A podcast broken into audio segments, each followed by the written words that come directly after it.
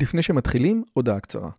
אם אתם אוהבים את הפודקאסט הזה, אתם כנראה אנשים ממש מיוחדים ומרתקים. אז אם בא לכם לפגוש עוד אנשים כמותכם, וגם אותי, וגם את רלי, אנחנו עושים מפגש עוקבים שלישי.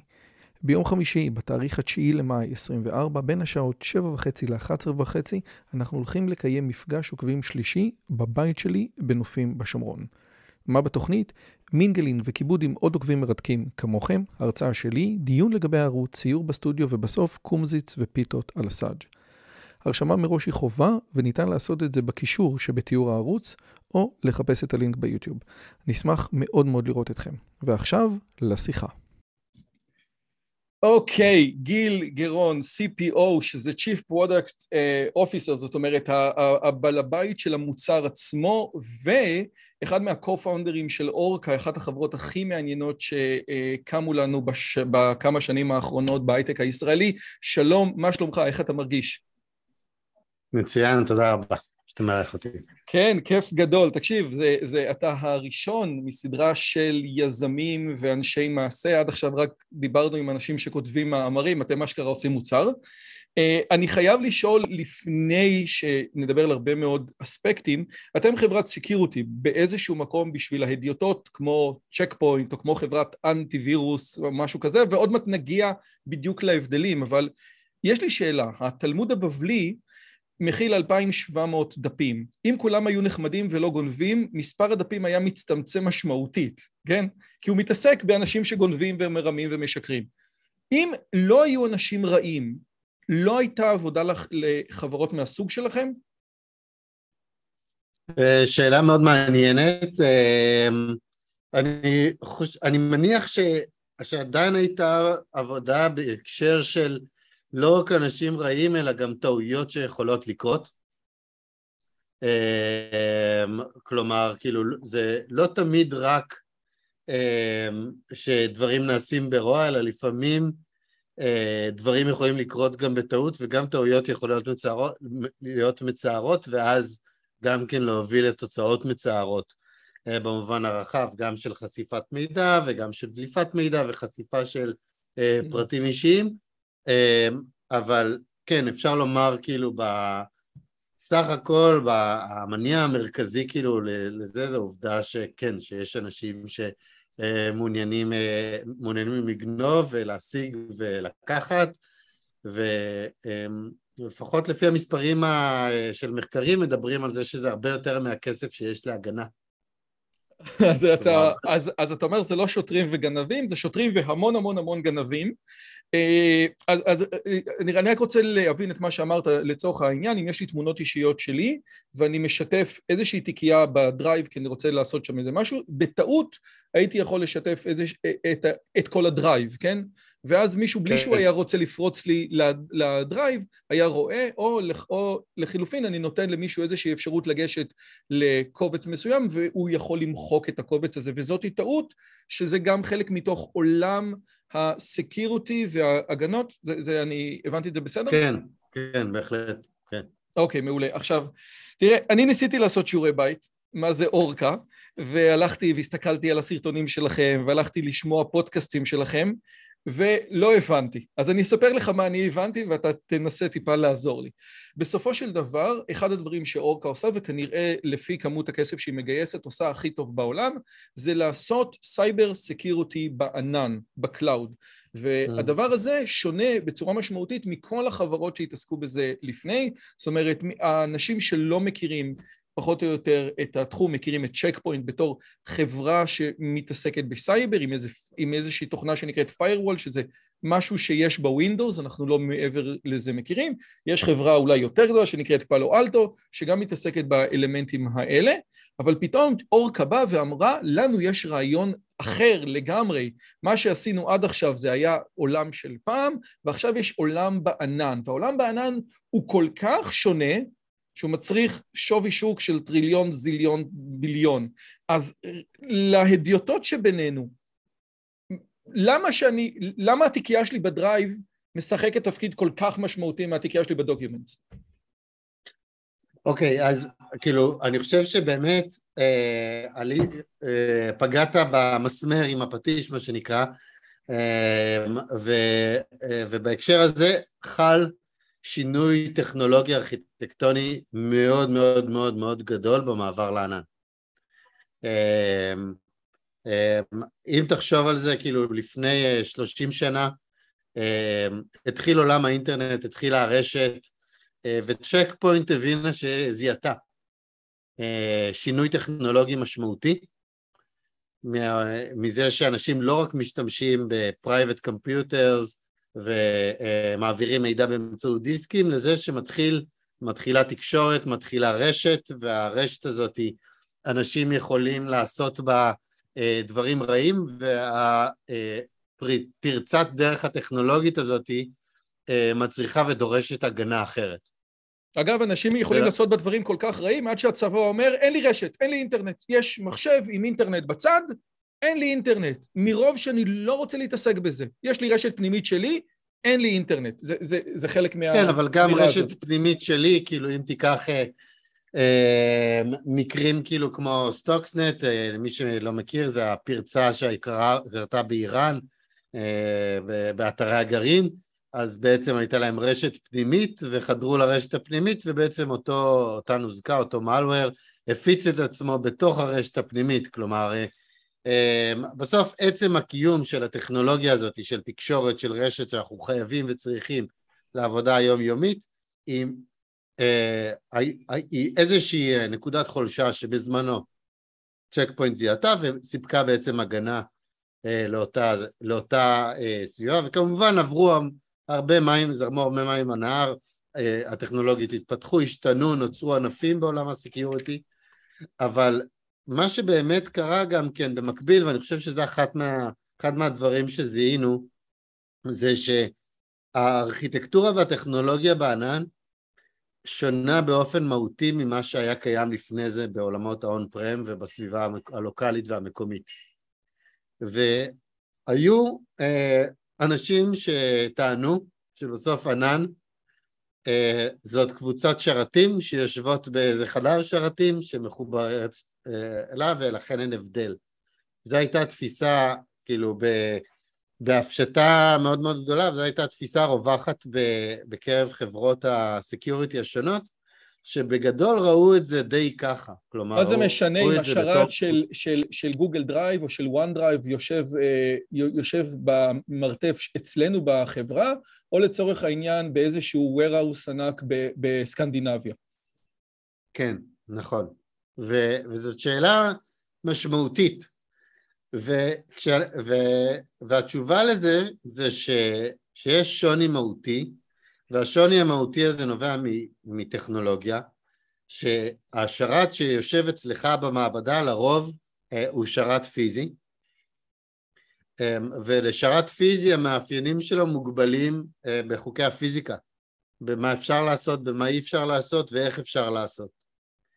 ובענן אתה בסביבה שהיא קודם כל וירטואלית, אבל מעבר לזה שהיא וירטואלית, היא סביבה שכדי לנצל אותה נכון אתה צריך לנצל אותה באופן שיתופי, כלומר שאתה ועוד הרבה אנשים משתמשים באותה חומרה פיזית, ושצריך להיות, כדי, כדי שזה יהיה יעיל ושיחליף את הצורך שלך בסביבה שיש לך און פרם או סביבה פיזית, אז היה צריך להיות מסוגלים אה, בעצם לעבוד במוד שהוא מאוד מאוד דינמי, שאם עכשיו יש לי הרבה מאוד מבקרים באתר, האתר שלי, אה, השירות שלי יוכל לגדול באופן אוטומטי ויוכל לקטון באופן אוטומטי.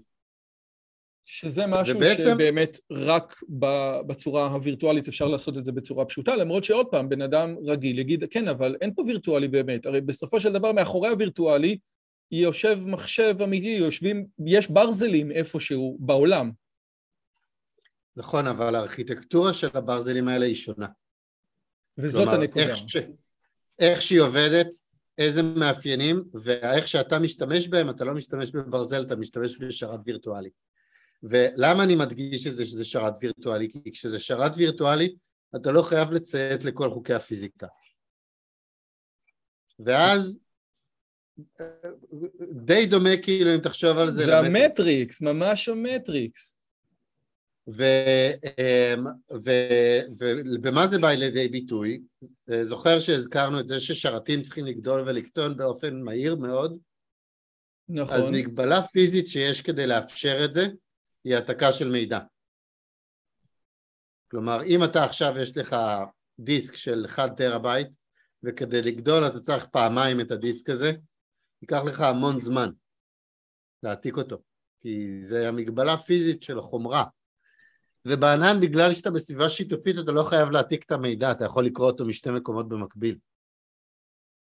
ואז בעצם כאילו אנחנו זיהינו אפשרות לנצל את המהבדלים, את ההבדלים האלה, את ההבדלים שבין וירטואליזציה לבין חומרה פיזית, שמאפשרים לך לעשות דברים יותר מהר, שמאפשרים לך לעשות את הדברים יותר יעיל, שמאפשרים לך לעשות את זה בלי לגרום ל-performance impact, ועל ידי כך בעצם לאפשר כאילו צריכה שונה לחלוטין של הטכנולוגיה. ומאפיין נוסף שקיים בענן הוא קונסולידציה של תשתית שבעצם כאילו הכל עטוף בעצם ב-API וביכולת שליטה באמצעות תוכנה על הסביבה ועל האינפרסטרקצ'ר עצמו ואז בעצם אנחנו באמצעים פשוטים יכולים גם כן להבין את כל הסביבה כלומר לזהות איפה יש לך שרתים ואיזה שרתים יש לך ומה הם מריצים ואיך הם רצים וכו' ובעצם לא רק לזהות ולנצל את היתרון הפיזי שיש לנו שם אה, באמצעות הווירטואליזציה אלא גם כן לזהות מה החשיבות של אותו אובייקט. כלומר האם הוא מחובר לאינטרנט? האם אם תוקפים אותו האם יש לו גישה למידע רגיש? ובעצם על זה לא רק לזהות בשיטה כזאת מהפכנית אה, מה הבעיות, אלא מה החשיבות של אותן בעיות באופן שהוא מאוד מאוד מאוד מדויק. אז אם אני מבין נכון, חלק מהסיבה, כי עוד פעם, אני, אני עדיין לא סגור במאה אחוז, אבל נראה לי שאני גם לא אהיה, אבל הרעיון הווירטואלי היום לצורך העניין, אתה יכול לה, לה, להקים איזושהי מערכת, איזשהו שרת לינוקס ב-AWS בשירותים של אמזון, למרות שאין שם שום דבר, והיכולת שלך בעצם לעבוד עם מגוון רחב מאוד של סוג של חומרות וירטואלית, כן, סוג של virtual machine, בעצם אומר, אוקיי, תקשיב, אם אני, הרי בסופו של דבר, זה הכל אותו ברזלים, ב, זה הכל אותה גברת בשינוי אדרת. אז אם אני יכול לתפוס את הגברת עצמה, אז, אז עבור, בגלל שתפסתי אותה, אני יכול לתת פתרון להמון המון המון קונסטלציות שונות של אותו דבר. זאת אומרת, אם, אם, אם, אם ה-AWS מאפשר לי לעבוד עם הרבה מאוד מכונות וירטואליות, אחת שמה של לינוקס, ואחת של מאק, ואחת של ווינדוס, ואחת whatever שלו, מכיוון שאני יודע מה עומד בבסיס של הברזל מתחת, אני יכול לבוא ובעצם באותו קוד, או כמעט באותו קוד, לבוא ולטפל בזה, בזה, בזה ובזה. אני אומר פחות או יותר נכון? כן, כן, okay. אוקיי. בהחלט, ובנוסף, אמ, כאילו גם אמ, כאילו הדינמיות של הסביבה, אה, בעוד כאילו נגיד לצורך העניין אתה, אתה מזמין שרת, לוקח כמה חודשים עד שהוא מגיע, הוא מגיע למעבדה, אתה מתקין אותו, אה, אתה מתקין עליו את כל התוכנות, אתה מחבר אותו וכו', בענן הכל קורה תוך דקות. כן, כן, אורקה, כאילו... שלושה קליקים וזה אצלכם. אז... ראית, אני עשיתי פרסומת פה, מי שרוצה.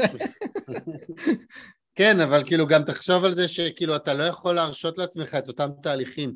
כאילו, מה, אם היית אומר, טוב, לוקח לי עשר דקות או שעה per שרת לבוא ולעשות לו את ה onboarding הזה, את ההתקנות, את החיבורים וכו', בענן אתה לא, אתה, המכונה הזאת הולכת לרוץ חמש דקות. אני לא הולך לעשות שום פעולה שלוקחת אה, אפילו לא שניות. אז כאילו ממש עשינו תהליך ש...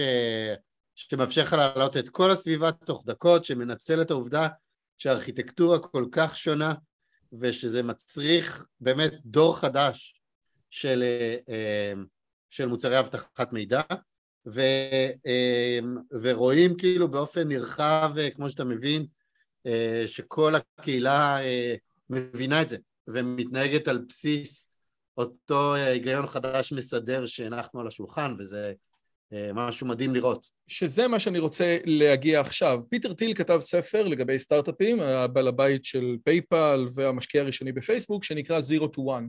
ובספר הזה הוא אומר שני, אה, הוא אומר, יש לזה כמה וכמה רעיונות, אבל הרעיון המרכזי, שגם בא לידי ביטוי בשם של הספר, הוא, יש שני סוגים של רעיונות. יש סוג אחד שאתה לוקח משהו שכבר קיים ומשפר אותו, משדרג אותו. אתה יכול לשדרג אותו ב-30 אחוז, אתה יכול לשדרג אותו פי 100, 1 to 100. אבל יש משהו אחר לגמרי, שאתה לוקח משהו שלא קיים, זירו, ואתה הופך אותו ל-one.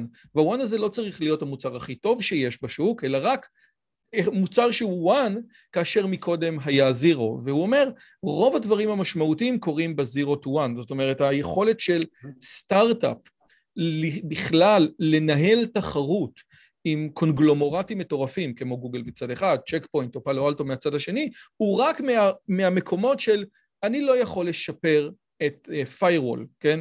אני לא יכול לשפר את האנטי-וירוס של קספרסקי, אני, אני לא יכול, זה, זה, זה כאילו, זה, זה קונגלומרטים ענקיים. אני לא יכול לשפר את מנוע חיפוש של גוגל, אבל אני כן יכול למצוא משהו שאף אחד לא עשה, ופה להיות באמת ייחודי. אז זה המהלך של אורקה, אם אני מבין נכון, כי עושה רושם שתוך, אתה יודע, מספר מועט מאוד של שנים, זה הופך להיות החברה המובילה בתחום, בי פאר. אז אני אגיד שזה נכון באופן כללי, אבל זה לא נכון בכל הפרמטרים, אני אנסה אולי להסביר. אמ, יש, יש uh, zero to one בזה שאין שוק, שאני ממציא שוק, אוקיי? סתם, סתם לדוגמה, ניקח את uh, פייסבוק כדוגמה, לא היה בדיוק, היה רשת, רשתות חברתיות, לא היה משהו בכזה סדר גודל, זה בטוח, ו... Uh, והם עשו סוג של zero to one, נכון? אפשר לומר בתחום הרשתות החברתיות. אבל היה את מייספייס, לא? אז, אז למה אני לא יכול להגיד, היה את מייספייס והיה את צ'ק פוינט, הרי לציבור צ'ק פוינט ואורקה, הם עושים, אגב, שתי חברות של סייבר security, זה שאתה בתוך ה... בתוך ה nitty gritty, ואתה אומר, לא, מה פתאום, אני עושה משהו כן. אחר. אולי זה באמת, אתה יודע, אז אתה יודע מה, אז אם זה לא zero to one, איך אורקה הצליחה לגדול למה שהיא היום כל כך מהר? אני אומר שמה שאני מנסה לומר זה שלפעמים יש שוק קיים, אבל ה zero to one הוא יותר מהלך של איך לפתור את הבעיה האחרת ואיך לפתור אותה נכון באופן שתואם את הסביבה, וזה ה zero to one שעשינו, ובגלל זה זה הצליח. ולא רק זה, גם כן לפעמים בהיבט הזה של אה, להיות מסוגלים לפתור את זה אחרת אתה מייצר סוג של אה, מחסום בין אם פסיכולוגי ובין פיזי מחברות קיימות לבוא ולעשות את זה אוקיי? סתם לדוגמה נגיד אה, הצלחת למצוא רעיון מבריק חדשני ומאוד מאוד מאוד מאוד חזק לעולמות החיפוש ברמה שהפתרון שלך הוא פי מאה יותר טוב משל גוגל פי מאה, כלומר לא משנה מה, איכשהו, כאילו בפרמטרים שמעניינים את הציבור, כשמחפשים הרבה יותר מדויק, מביא אותי בול למקום, הרבה יותר קל להשתמש, whatever, כאילו. עכשיו, אמ, גוגל יכולים לבוא ולראות את מה שעשית ולומר, אוקיי, כאילו זה שוק קיים, אנחנו מוכרים בשוק הזה, אבל ייקח להם זמן לבוא ולעשות adoption לטכנולוגיה ולדרך שבה אתה עושה את זה, כי ייקח להם זמן גם כן להודות שמה שהם עשו עד עכשיו היה לא נכון, וגם כן יש להם המון המון המון המון מושקע, הם השקיעו מיליארדי דולרים בטכנולוגיה הנוכחית, מכדי שהם יוכלו לבוא ולהגיד, טוב, אנחנו זורקים ומתחילים מאפס. ואז בזמן הזה יש לך את ההזדמנות לבוא ובאמת כאילו לפרוץ, ובהיבט הזה, לא שלא היו מוצרי security לענן, אנחנו חושבים שהם היו מאוד מאוד לא טובים, ואנחנו מאמינים שהתפיסה הזאת של בסוף ש, של החברות, נקרא להן המסורתיות, של הענן הוא קבוצה של שרתים, הגבילה אותה מחשבתית ולא אפשר, אפשרה להם לבוא ולנסות לחשוב על הבעיה באופן אחר, וידענו שייקח להם הרבה זמן לעבור אדפטציה ולהאמין במה שאנחנו עושים. אנחנו רואים שהם עושים, הם התחילו להאמין והתחילו לעשות את זה, אה, וזה רק, אה, אתה יודע, כמו סוג של אסמכתה לזה שאנחנו עושים משהו שהוא מאוד מאוד נכון, אסמכתה נוספת, אבל, וכאן, וזה ההיבט של כאילו, של מה שאני מתכוון, zero to one לא בהכרח בכל, בכל ההיבטים, אתה לא חייב, לעשות, אתה יכול לעשות משהו בדרך שאף אחד אחר לא עשה, שזה פי מאה יותר טוב ממה שעשו, אבל זה לא חייב להיות שזאת לא בעיה שהייתה קיימת. והרעיון המרכזי, אני חושב, אולי, אני, אני רוצה לחדד את מה שאתה אומר, שלעשות פי מאה יותר טוב ממה שגוגל עושים בדרך של גוגל, אי אפשר.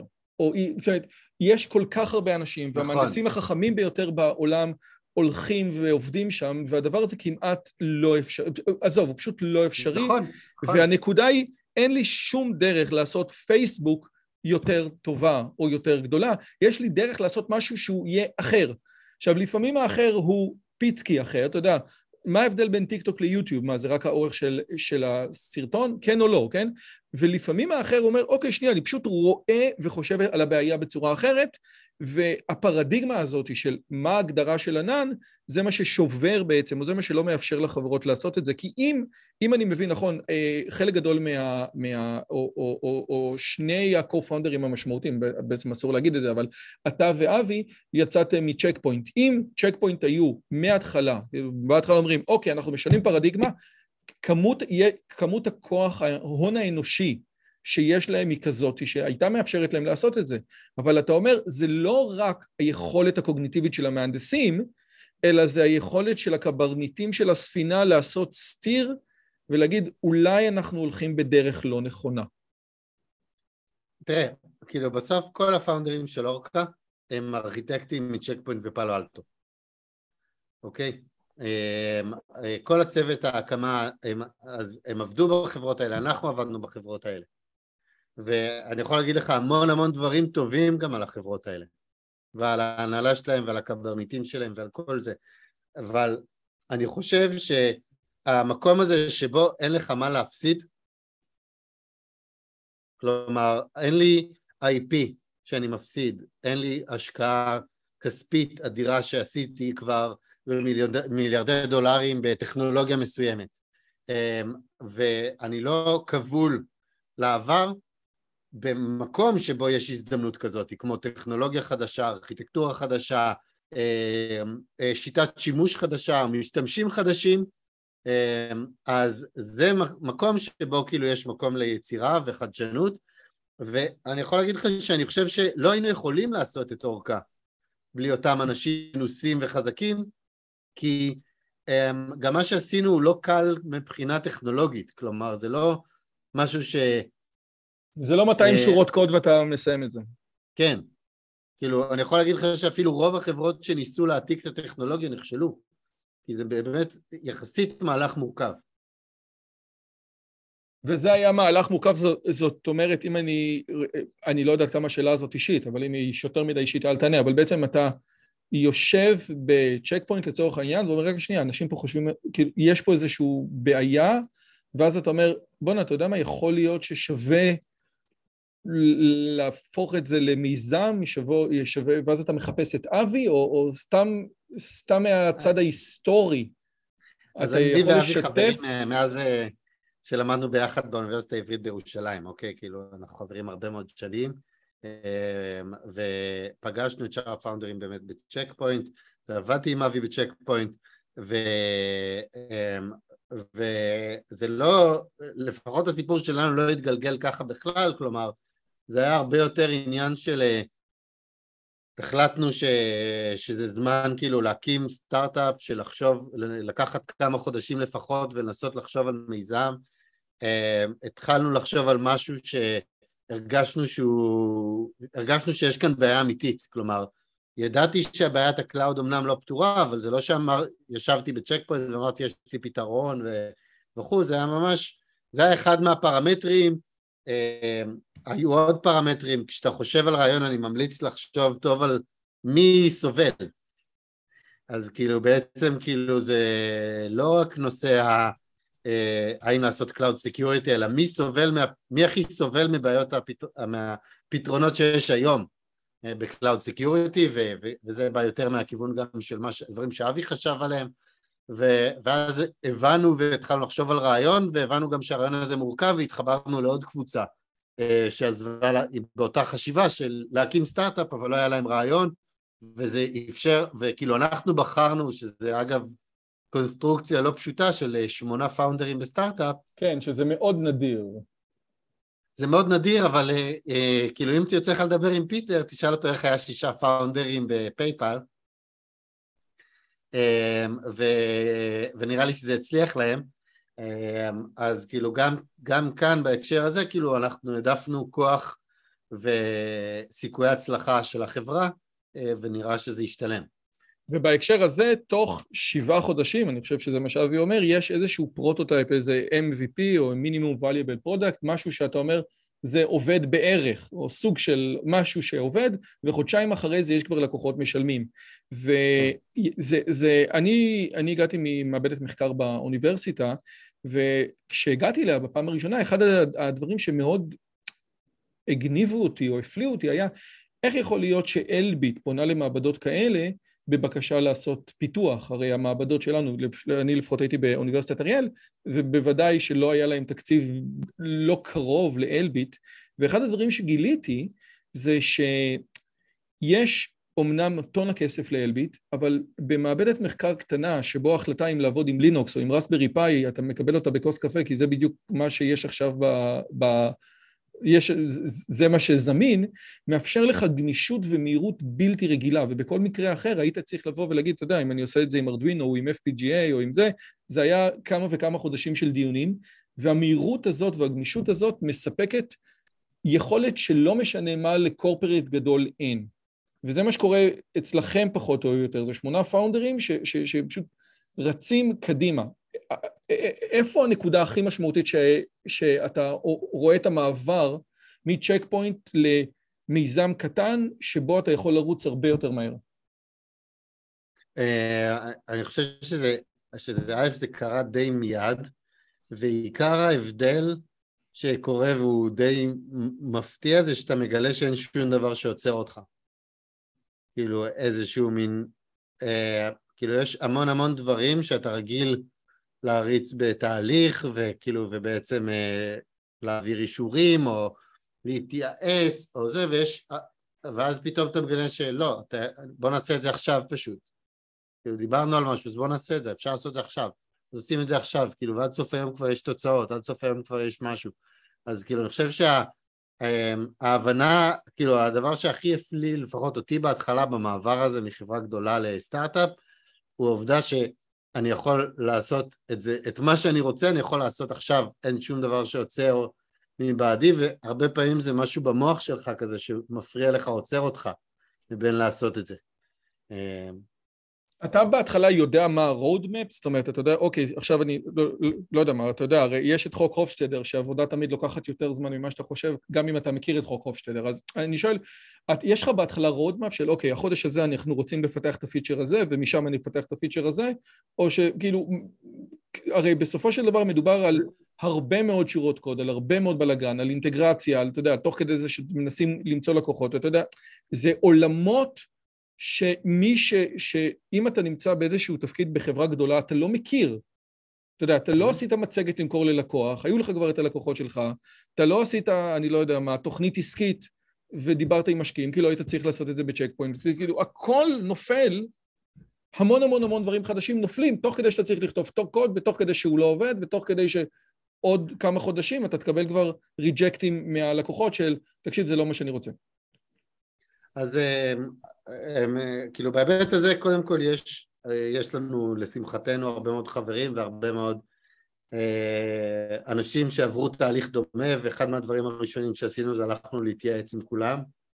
התייעצנו, דאגנו שיהיו לנו יועצים, הכנסנו אנשים כשותפים לחברה, כיועצים כדי באמת כאילו לפתור ולענות על האזורים האלה שאנחנו לא מומחים בהם שיהיה לי למי להרים טלפון כשיש לי התלבטויות לגבי ביזנס, שיש לי התלבטויות לגבי product, שיש לי התלבטויות לגבי באמת כל אלמנט, אז, אז כאילו בהיבט הזה לשמחתנו אה, הצלחנו לגייס אה, רשת ענפה של אנשים שעזרו לנו אה, בדברים שלא ידענו. roadmap לא היה, ולמה אני מתכוון? הייתה אסטרטגיה ובאסטרטגיה לפחות שאני בחרתי היא קודם כל להוכיח שה, אמ, שהדבר המרכזי שאותו אנחנו מנסים אה, להוביל, שהוא בעצם agent לסקיוריטי לענן, הוא מספיק מהותי, כי אפילו שהיום זה נשמע, אה כן, ברור, אז זה ממש לא היה ברור, אה, לוודא שזאת בעיה מספיק אוהבת, לוודא שהפתרון שאנחנו יכולים לייצר בעתיד הוא מספיק משמעותי כדי להניע את השוק. ואיך אתה, באמת... לפי איזה מטריקות מוודאים כזה דבר? נניח שהבעיה היא מספיק כואבת, כי דיברת עם המון אנשים והם אומרים, תקשיב, זה בלאגנים ואני צריך עכשיו לבוא לדבר עם, ה, עם, ה, עם הספק הזה ועם הוונדור הזה, וזה צריך לדבר עם זה, וכל פעם, כל, בכל עולם הסקיורטי תקוע לי כמו עצם בגרון, ואוקיי, בעיה נהדרת, כאילו אחלה. מצאתם בעיה נפלאה, כן? גם, גם פחמימות זה בעיה קשה מאוד. עכשיו, ואז אני שואל אותך, אוקיי, סבבה לגמרי, איך אתה יודע שהפתרון שאתה מתכנן, כי אין לך עדיין את הקוד, יש לך אולי מה שאתה חושב שאתה מבין, או מה שנראה לך, אתה יודע, ועוד לא, לא ראית קירות בלתי אווירים, כן? תוך כדי המהלך. איך אתה יודע שזה הולך לכיוון הזה? אז גם ברמה הטכנולוגית, קודם כל לעשות ניסויים על אזורים שאתה, מפחד, שאתה חושב שיהיו קירות, אבל גם כן ברמה המוצרית, של לראות אם האלמנט הזה, הדיפרנציאטור, האלמנט המיוחד של המוצר שלך, אם הוא מוכר. האם מישהו זה, ובאמת, הם, הם, מה שלי, אותי שכנע שמצאנו, זה שלקוחות אמרו שהם לא מוכנים להמשיך להשתמש במוצר שלנו אם הם לא משלמים.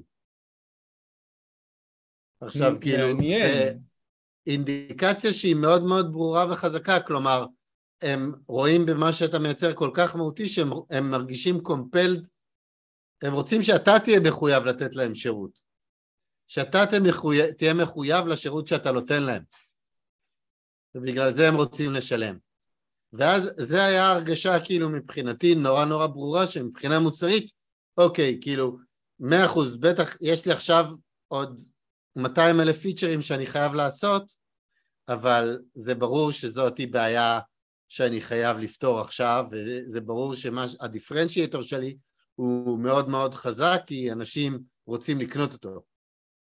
אחד הדברים, או אחד המתודות מעולמות התכנות, נקרא אג'ייל, ואני לא יודע אם אני אומר אותו נכון, אבל אני, ממה שאני מבין, זה במקום שאתה תבוא אה, יכול להיות שזה גם נקרא Scrum, אבל, אבל, אבל בעצם Agile אומר את הדבר הבא, במקום שאני אביא לך את המוצר complete, כן? נניח אני מוכר לך סנדוויץ' טוניסאי, אז כשאני אסיים להכין את הסנדוויץ' הטוניסאי, תיקח אותו ויהיה לך כיף אה, גדול. בהרבה מאוד מוצרים של תוכנה שה, של input של ה user יש משמעות, או ל input של הלקוח יש משמעות, אני אומר, תקשיב, בוא תביא לי את ה feature הקטן ביותר שאתה יכול, תן ללקוח לשחק עם זה, תחזיר, תקבל rejectים מהלקוח, אל תביא לי מוצר שהוא סיימת, עטפת אותו לגמרי.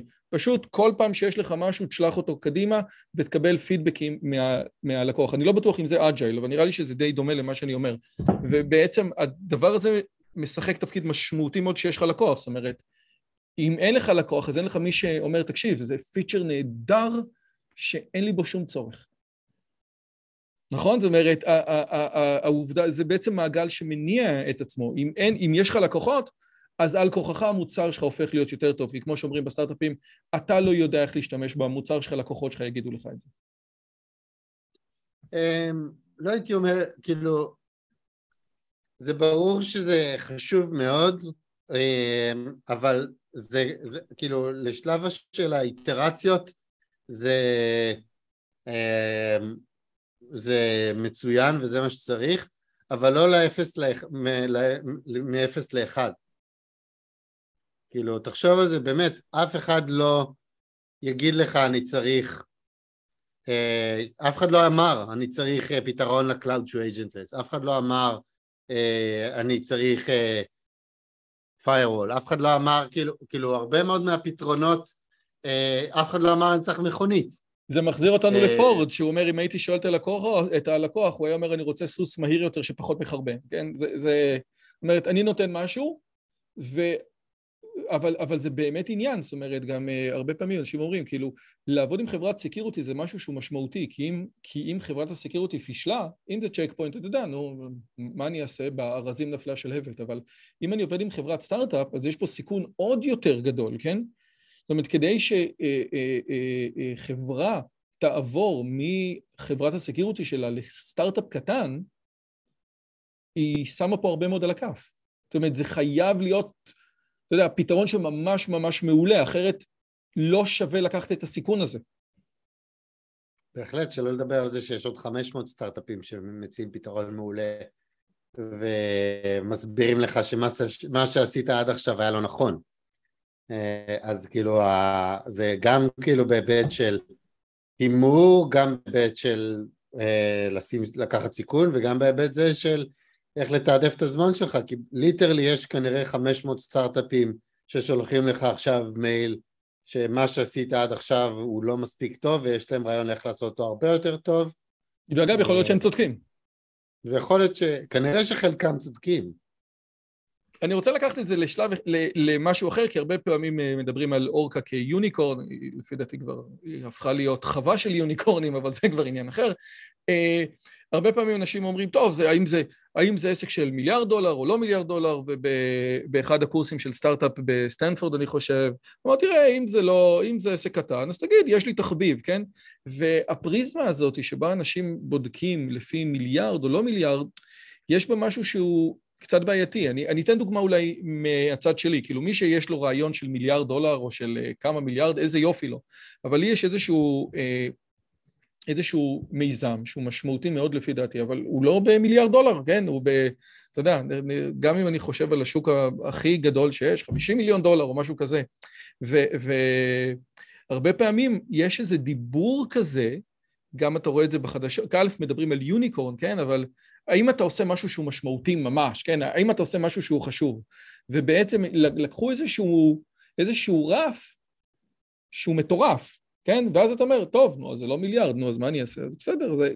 את, אתה גם מרגיש את זה ב, ב, במקומות שאנשים בודקים לפי, רק שנייה, האם הרעיון שלך משמעותי לפי האם יכול להיות לו שווי שוק של מעל מיליארד או פחות ממיליארד? אמ, לא, אבל אני, אני אנסה אולי להסביר למה כן זה חשוב לנסות למדוד את עצמך ביחס לגודל השוק. נגיד שיש לך פתרון מהפכני אה, מדהים בשוק של מיליון דולר, אז ההיקף של החברה, היקף המכירות של החברה והיכולת של ההשקעה של החברה היא קטנה משמעותית ו, אמ, ואז, וזה משליך על המון היבטים פיננסיים של כמה כוח יהיה לך בלגדל ולהצליח את החברה. עכשיו אם זה לצורך העניין אה, באמת אה, אה, כאדם פרטי כאילו מיליון דולר נשמע אחלה כאילו תן לי מיליון דולר סבבה. אבל לא אבל ל... שיש לך 500 עובדים זה, זה נשתה בנראות נכון. עכשיו אמ, אמ, כאילו באותם, כאילו באותו היבט אז גם כן יש כסטארט-אפ, כחברה, מה גודל השוק ואז בעצם כאילו מה הפוטנציאל של החברה ואז לפי זה כאילו גודל ההשקעה וגודל אה, ההתפתחות, אבל יש עוד אלמנט שהוא לא פחות חשוב, גם אם זה לא מיל... גם אם אתה לא הולך למכור במיליארד דולר, אבל השוק הוא מספיק גדול, אז יש גם מקום לטעויות. אתה אה, אולי לא יכול לשרת את כל השוק, אבל אולי אתה יכול לשרת 20% מהשוק. ווואלה, הכנסות של 200 מיליון דולר זה בסדר. זה עדיין טוב מאוד. כן, לא. אה, אז, אה, אז בהקשר הזה, אה, זה כאילו, כשמדברים נגיד על סטארט-אפים ועל פיבוטים ועל תנודה, אז כשאתה בשוק גדול יחסית, המרחב תמרון שלך הוא משמעותית יותר גדול, וכתוצאה מזה גם המרחב, המקום לטעויות, ואתה צריך לזכור שרוב הסיכויים, לא משנה, משנה כמה אתה אינטליגנט ולא משנה כמה אתה מנוסה, רוב הסיכויים שאתה טועה. יכול להגיד לך שעשינו המון טעויות, המון דברים שהמצאנו ולקחנו אותם עד, עד הקצה, ואני עדיין משוכנע שהם רעיון טוב, הם טעות. הם טעות ברמת השוק, הם טעות ברמת האדפשן, הם, הם, ו, ווואלה, ולשמחתי, למזלי, הדבר המרכזי שעשינו נכון מאוד, ולכן היה לי מקום גם לקצת טעויות, שאפשר לתקן. עכשיו, אבל אז, כאילו... אני אנסה לקחת את מה שאתה אומר, ואם נניח מישהו ששומע אותנו ויש לו רעיון, והוא לפעמים חלק, לפעמים הפיבוט, שזה בעצם איזושהי מילה משמעותית בכל העולמות של הסטארט-אפ, זאת אומרת, פיבוט זה כמו שעושים ככה, סיבוב על הציר.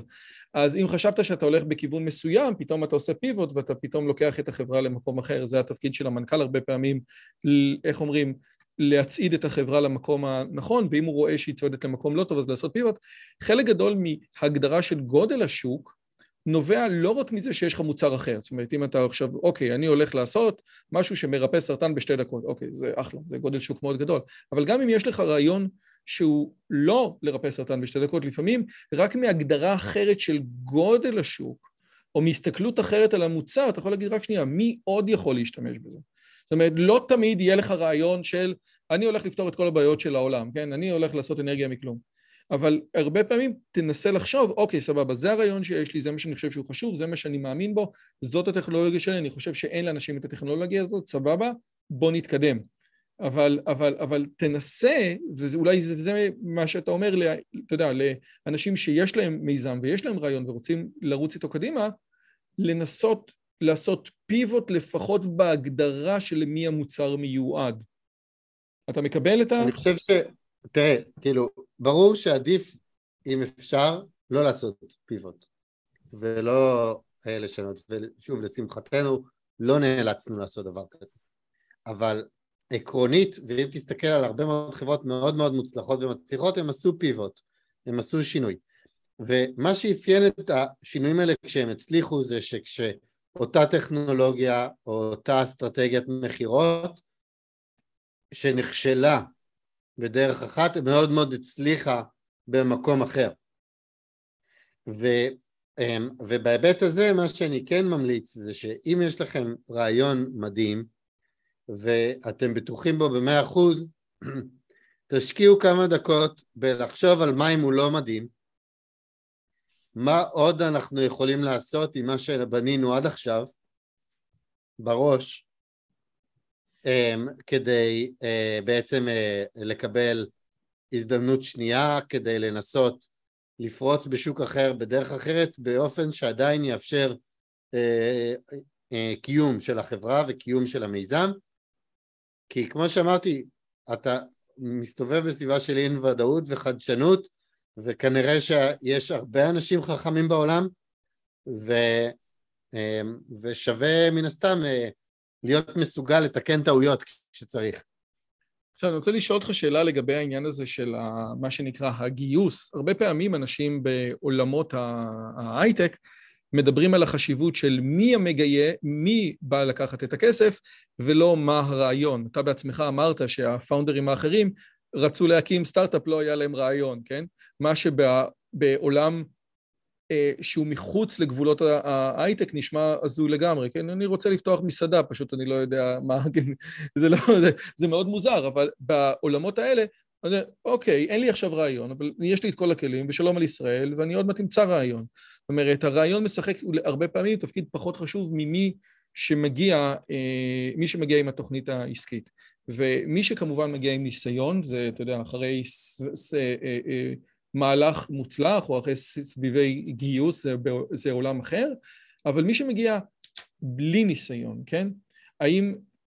והדבר היחידי שיש לו זה את עצמו ואת הרעיון. מהניסיון שלך, מכל סבבי הגיוס, מהרעיונות האלה, יש לך איזשהו עצה לאנשים שאומרים, אוקיי, תקשיב, זה הרעיון, אני חושב שהוא טוב, אני יכול להוכיח אותו, לא רק מצגת, יש לי כבר מוצר שהוא אשכרה עובד, ולא עשיתי עדיין, אה, איך אומרים, לא עשיתי אקזיט, או אני לא מוכר בתעשייה. מה אפשר לעשות אז? אמ, כדי לגייס כסף, או כדי uh, להצליח, או איך... כדי, uh... אני, אני חושב שאו לגייס כסף, או שאתה אומר, תקשיב, בקונסטלציה הזאת לגייס כסף זה אפילו לא המתודה הכי נכונה שיש, עדיף לך לנסות לעשות משהו אחר. אמ, אז אני חושב ש, שבסוף בדרך כלל כאילו גם, כאילו, אם רואים את הבן אדם הנכון, גם אם הוא לא בעל הניסיון, אז uh, uh, יש סיכוי טוב שהוא יצליח לקבל uh, הזדמנות. אה, והוא במסגרת כאילו במסגרת הגיוס כספים הוא צריך להוכיח שהוא האדם הנכון להוביל את זה, כלומר אתה בסוף צריך להוכיח שאתה בן אדם הכי מתאים כדי להוביל את הרעיון ואת המיזם שרק אתה הצלח, חשבת עליו בשוק מבטיח וכו' וכאילו, ושיש לך את הסטמינה בעצם כאילו אה, אה, לעבור את הקשיים. אה, ואז בהקשר הזה אז אתה צריך לחשוב איך אתה עובר, איך אתה מסביר את זה. גם בסוף אני ואבי אנחנו יזמים פעם ראשונה, אז מן הסתם יש הרבה דברים שלא הכרנו ולא ידענו, אבל הצלחנו לשכנע שיש לנו את הכלים לעשות את זה נכון, ובמובן היותר רחב, כמו שאמרתי, אני מאוד מאוד ממליץ להיעזר, להתייעץ ולהקיף את עצמך באנשים שעשו דברים משיקים, דומים, כדי בעצם להקטין את מספר הטעויות שתעשה. וזה סוג של... וזה היועצים, ש... וזה היועצים שהיו לכם מההתחלה. כן. עכשיו, אני רוצה לשאול אותך, אולי אה, יש לי עוד שאלה אחת, ואז אה, אה, לגבי המלצות שלך לפודקאסטים, שאתה ממש ממש אוהב. הרבה פעמים, לצורך העניין, עולה הנושא הזה של סייבר, כן? 8200, הייטק, כן? ארץ נהדרת, והדבר הזה עולה בהרבה מאוד מקומות, הצבא היום מבקש מהאוניברסיטה להכשיר, יש תוכניות סייבר במדעי המחשב, מי שהולך היום ל-8200, לתוכניות של 8200, חותם שנתיים וחצי או שלוש שנים, זה מטורף וזה קורס של כמה חודשים, ובעצם הבוגרים האלה, אם בוגרי הסייבר או בוגרי 8200, הם באים אליכם, כן? בסופו של דבר, אם הם באים לאורקה או באים לפאלו אלטו או לצ'ק פוינט או למקומות אחרים, אבל הם בעצם באים לחברות האלה. ואתה גם אם אתה לא המגייס בפועל, אתה בעצם אחראי עליהם כי אתה מנהל של המוצר. ואותי מעניין, מה הפער בין הידע שהאקדמיה מלמדת מצד אחד, והיום עוד פעם יש Buzzword שנקראת סייבר, אז Buzzword מאוד מאוד משמעותית, מה הפער בין הידע שהאקדמיה מלמדת ויחידות כמו 8200 מלמדות, ובין מה שאתה צריך בתעשייה? אז אה, אני חושב ש... הפער בידע הוא מן הסתם מאוד מאוד גדול ומאוד מאוד שונה כי גם כן העיסוק הוא שונה. אבל זה לא מה שאנחנו מחפשים, אנחנו מחפשים את צורת החשיבה. וזה באמת, ה... אה, זה באמת ההבדל. כלומר, כאילו מישהו שחושב בדרך מסוימת, מישהו שחושב במסגרת העולם שבה אין פתרונות, איך מייצרים פתרונות, איך אני עוקף בעיות, איך אני מתמודד עם בעיות, אמ, אה, היא צורת חשיבה ש, אה, ש, שאותה אנחנו מחפשים הרבה יותר מידע אה, ספציפי. כי בסוף, שוב, בהתבסס על סוכנויות זרות, אנחנו לא פורצים לאיראן כחברה, אנחנו חברה הגנתית, נכון?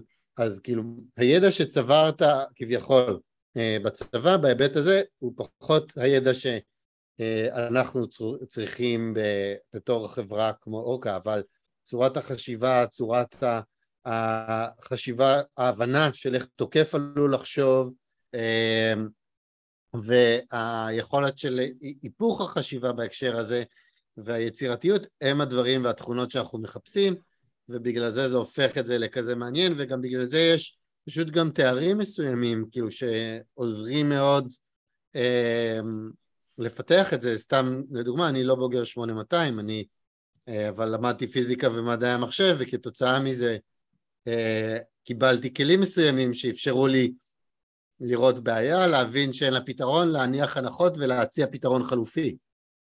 אז יכול להיות שבאמת אה, אנשים שבוגרי פיזיקה יכולים לשחק תפקיד הרבה יותר משמעותי. אתה אומר, אני אלמד אותם פייתון אחרי זה, ואני אלמד אותם, אתה יודע, סייבר סקיורטי 101, אבל תן לי את ה... אתה יודע, את היכולת חשיבה הזאת, אבל בסופו של דבר עיקר האנשים שאתם מעסיקים הם בוגרי מדעי המחשב, זה לא בא לידי ביטוי. מה שאתה אומר, סליחה שאני אומר לך את זה, אבל אם הייתי מסתכל על כמות האנשים שאתם מעסיקים, ב-R&D רובם ממדעי המחשב. אין, אין לך, אתה יודע, אתה לא לוקח הרבה פיזיקאים. אז כאילו מה, מה סתם אתה מספר לי פה עכשיו סיפורים? נכון, כי זה כאילו כמובן לא רק, זה כמובן לא רק אה, צורת חשיבה, זה גם כן יש איזה אלמנט של skill set, כאילו של אה, ארכיטקטורה, של, אה, של פיתוח, יסודות של פיתוח, ודווקא בהיבט הזה בדרך כלל כן יש רמה גבוהה לדעתי מהאוניברסיטאות, אבל פשוט אני, מה שאני מתכוון זה שהידע הספציפי בסייבר זה אם יש לך, לא יודע, ניסיון ב basic hacking, רוב, לפחות בעולמות המחקר יש לזה יישום, אבל בעולמות הפיתוח היישום של זה הוא מאוד מאוד מוגבל. וצורת החשיבה היא משהו שהוא לא מוגבל. מעניין. מבין? כן, כן, אבל שוב, אז, אז השאלה היא, אתה אומר, כאילו, האם, אם, אם לצורך העניין המל"ג היו מבקשים ממך לבוא ולשאול, האם הסילבוס של מדעי המחשב היום, או של, ה, של הסייבר, כן, של מסלולי הסייבר שהצבא מבקש בעצמו, האם הם מסלולים טובים? אז ממה שאני מבין, היית אומר, אוקיי, תנו לי יותר PBL או Project Based Learning או פתרון חידות או משהו בסגנון הזה, זה מה שאני מחפש. אה, אבל אם אני מבין נכון, לפחות לפי מה שאני מכיר מתהליכי הגיוס ליחידות האלה לצבא, זה הרבה יותר מבוסס באמת על פתרונות בעיות מאשר על אה, ידע. כן, אז אני שואל, נניח, עזוב, אז, אז אני אומר, בוא נלך לאוניברסיטה, כן? מסלול סייבר למי שלא היה ב-8200, כן? שמסלול סייבר שרוצה להכין אותך לעבודה בח, ב, בחברות כמו אורקה. או, או כן. מה בעצם אני צריך לעשות? אתה יודע, כאילו, הרי נניח שאני מגיע לראיון עבודה אצלכם, כן? עדיף לי לדעת איך עובדים עם ה-AWS, או עדיף לי לדעת מה קורה אם יש לי מטבע לא מאוזן בעשר שקים של זהב, נשאל את זה אחרת, כן? אז אני חושב שאם זה לצוותי הפיתוח, אז אה, כנראה שעדיף אה, עבודה עם AWS ו, ויכולת חשיבה משמעותית יותר מאשר ידע בסייבר, ואם זה במחלקות המחקר, שבו מייצרים ממש הגנות ספציפיות וחשיבה של התוקפים, ושם זה אלמנטים שהם נדבכים מעל המוצר והם לא בעצם רוב התשתית המוצרית, אמ, שתשתית המוצרית היא ממש תכנות פרופר, אז במחלקות המחקר מן הסתם ידע בתקיפה הוא מאוד מאוד משמעותי. וואו, טוב, אה, קודם כל תודה רבה. זה, זה, זה אני, אני כל כך שמח שהשיחה שה, הראשונה של עולמות ההייטק הייתה עם, עם, עם ה-co-founder של אחד החברות הכי מגניבות בישראל ושהייתה בעברית, שזה כיף גדול מאוד.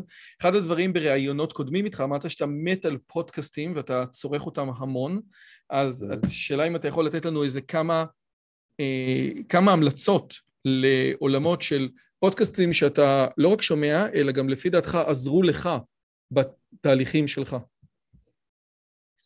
אה, כן, אז כאילו מה שלי, אה, מה שלי היה חסר והרגשתי צורך כאילו ללמוד זה כמובן איך מקימים חברה, המושן הזה של 0 ל-1, אז אה, עזר לי מאוד לשמוע סיפורים של אנשים אחרים, אז יש גם כן את Founders Real Talk של גלן סולומון, שהוא גם כן במקרה board member שלנו, שמאוד מאוד עזר לי לשמוע, וגם כן יש את Masters of Scale של founder uh, של פייפל ושל לינקדאין